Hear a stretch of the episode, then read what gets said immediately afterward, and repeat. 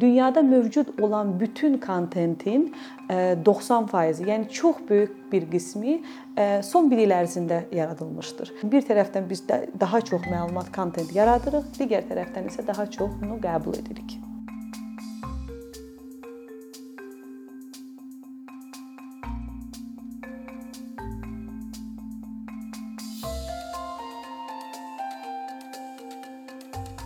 Həyatımızın elə bir sahəsi yoxdur ki, medianın təsiri altından qalmasın. İnsanlara insanlardan soruşanda ki, səhər gününüzü necə başlayırsınız? Mütəmadi olaraq bu cavabı alırıq. Əlimizə telefonu alırıq. Yəni gün başladığı andan etibarən ta bitənə qədər biz məlumat axınına daxil oluruq. Bu istər Instagramda gördüyümüz postlar, YouTube kanalları, radioda eşitdiklərimiz, reklam çarxları, e, oxuduğumuz xəbərlər, hamısı bu məlumat axınının bir hissəsidir. Düşünsək ki, gün ərzində məlumatsız qaldığımız nə qədər an var, neçə dənə məqam var, çətinlik çəkərik və maraqlıdır ki, biz məlumatsız qaldığımız anlarda belə e, sanki bir boşluğa düşürük. Özümüz o məlumatın axtarışına çıxırıq və həmin o e, məlumat aclığımızı tətmin edəcək e, platformalara üz tuturuq. Lakin e, maraqlısı odur ki, həmin o aclıq, yəni doyum hissi elə də gəlmir. E, yəni biz hər bir həm bir tərəfdən daha çox kontent e, qəbul edirik.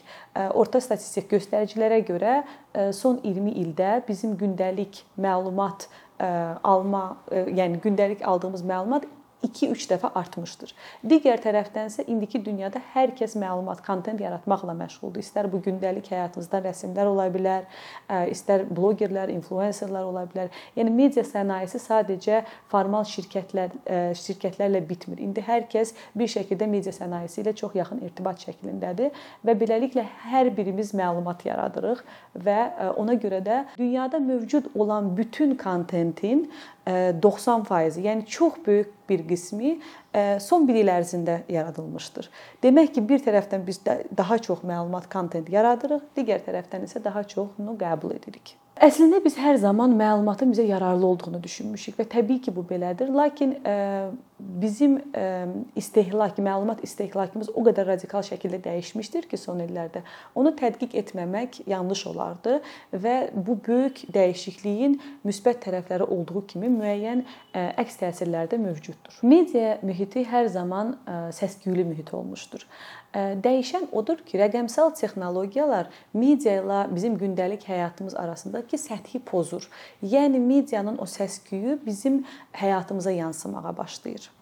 Və düşünün ki, çox səsli küylü bir otağa girirsiniz. Bir otağa daxil olursunuz və orada hər kəs eyni anda danışır. Təbii ki, belə ortamda öz səsinizi eşitdirmək olduqca çətin məsələdir və hər kəs istər sevdiyiniz bloqer olsun, istər YouTube kanalında yemək resepti paylaşan birisi olsun, istər biznes olsun, yəni məhsulunu satmağa çalışan biznes olsun, istər böyük bir media şirkəti olsun, hər kəs öz səsini eşitdirməyə çalışır və media istifadəçilərin sizin, bizim diqqətimizi cəlb etmək istəyir. Sadə dillə desək, bizim diqqətimiz üçün rəqabət gedir. Beləliklə biz illərdir düşünmüşük ki, biz informasiya iqtisadiyyatı dövründə yaşayırıq. Təbii ki, e, müasir iqtisadiyyat e, üçün informasiya çox dəyərlidir. E, lakin Herbert Simon adlı bir iqtisadçı illər öncə belə bir fikir irəli sürmüşdür ki, biz informasiya iqtisadiyyatı deyil, diqqət iqtisadiyyatı dövründə yaşayırıq.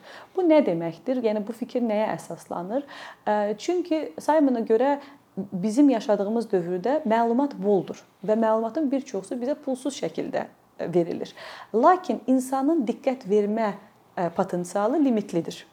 Yəni informasiya çoxdur, amma insanın 20 il öncə, 30 il öncə, 100 il öncə gündəlik e, informasiya verə biləcəyi diqqət limitlidir.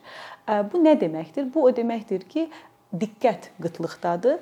Və bu səbəblə bizə deyilir ki, diqqət iqtisadiyyatında yaşayırıq.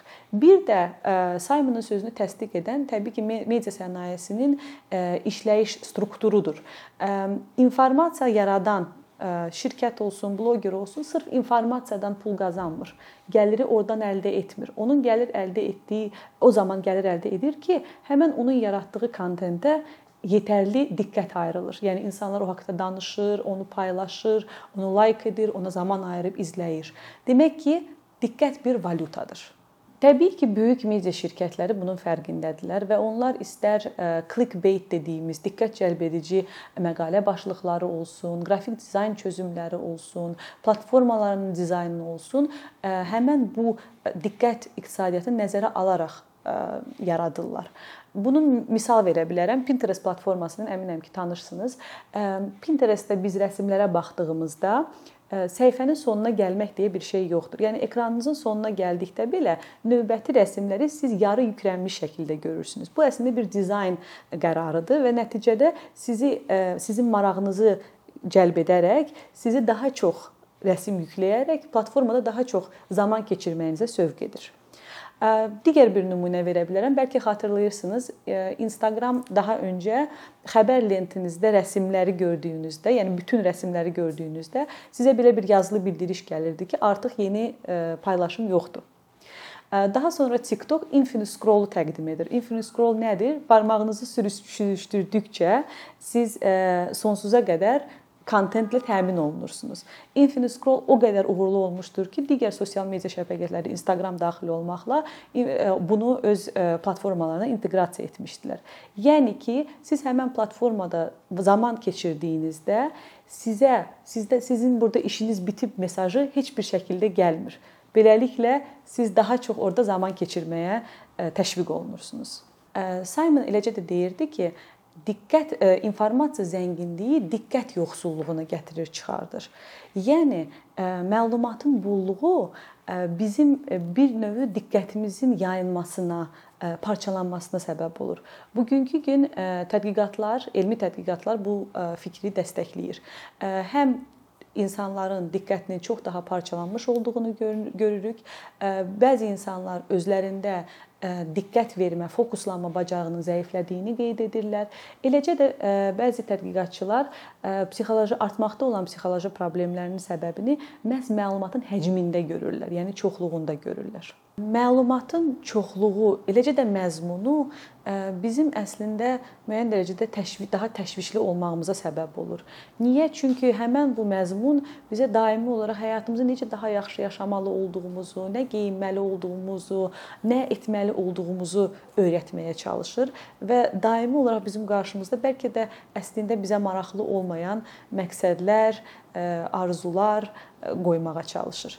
Bu da təbii ki, nəticədə bizi belə özümüzdən narazı və təşvişli hala salır. Biz diqqətimizə limitli resurs kimi yanaşsaq, əslində bizim seçimlərimiz də dəyişər. Bizim diqqətimiz bu qədər dağınıq olduqda bizim üçün önəmli olan öz daxili dünyamız olsun, öz fikirlərimiz olsun, məqsədlərimiz, arzularımız, bunlardan əslində uzaq düşürük. Bunu anlayaraq, bunun fərqinə vararaq hərəkət etsək, çox daha şuurlu seçimlər etmiş olacağıq. Əgər diqqətimiz dəyərlidirsə, əgər diqqətimiz limitlidirsə, bu o deməkdir ki, biz diqqətimizi nəyə sərf etdiyimizə nəzər yetirməliyik. Paradoksal səslənə bilər, lakin mesaj budur. Nəyə diqqət etdiyinizə diqqət etməliyik. Beləliklə ortaya informasiya pəhrizi ideyası çıxır. Belə bir analogiya apara bilərik. Düşünün ki, gün ərzində qarşınıza çıxan bütün qida məhsullarını yeyirsiniz. Günün sonunda özünüzü necə hiss edərsiniz? Yəqin ki, narahat, ağır və ən pisi də odur ki, siz həmin o narahatçılığın məhz nəyin səbəb olduğunu müəyyən etməkdə çətinlik çəkərsiniz. Həmin bu analogiyanı öz zehninizlə apara bilərsiniz.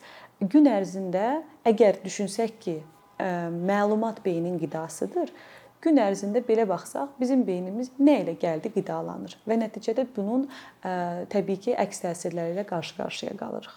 Sağlam həyat tərzinin populyar olduğu bu dövrdə düşünürəm ki, zamanla insanlar nəyə diqqət yetirdiklərinə qarşı daha həssas olacaqlar, daha seçici olacaqlar və bu informasiya pəhrizi ideyası daha da populyarlaşacaq. Ən tez-tez qarşılaşdığımız sual budur ki, bəs nə etməliyik? Artıq bu dünyada yaşayırıq. Yəni müasir dünya belədir. Nə etməliyik? Təbii ki, söhbət şuurlu yanaşmadan gedir. İlk öncə biz öz məlumat qəbul etmə, alma vərdişlərimizi nəzərdən keçirməliyik. Burada biz özümüz üçün müəyyən etməliyik ki, bizə yararlı və zərərli məlumatlar hansılardır. Bu çox fərqli bir işdir. Hər kəs üçün bu fərqlənə bilər. Daha sonra biz həmin bu vərdişləri öz ehtiyac və məqsədlərimizə görə uyğunlaşdırmalıyıq. Bəzi belə deyək, praktik məsləhətlər arasında biz tez-tez bunlara rast gəlirik ki, gün ərzində məlumat almadığımız anlar yaradaq. Bu e, telefonumuzu evdə qoyub gəzintiyə çıxmaq qədər e, bəsit bir şey ola bilər və yaxud e, evimizdə telefonu ya da hər hansı bir başqa cihazın olmadığı bir zonaları yaratmaq ola bilər. Özümüz üçün belə bir qayda qura bilərik ki, masaya, yemək masasına oturduqda bütün cihazlardan, yenə də rəqəmsal texnologiyalardan uzaq qalaq. Yəni söhbət tamamilə özünüzü təcrid etməkdən getmir. Söhbət daha seçici, daha şuurlu yanaşmadan gedir və zənnimcə bu artıq bir seçim deyil, zəruriyyətdir. Thank you. What the fuck?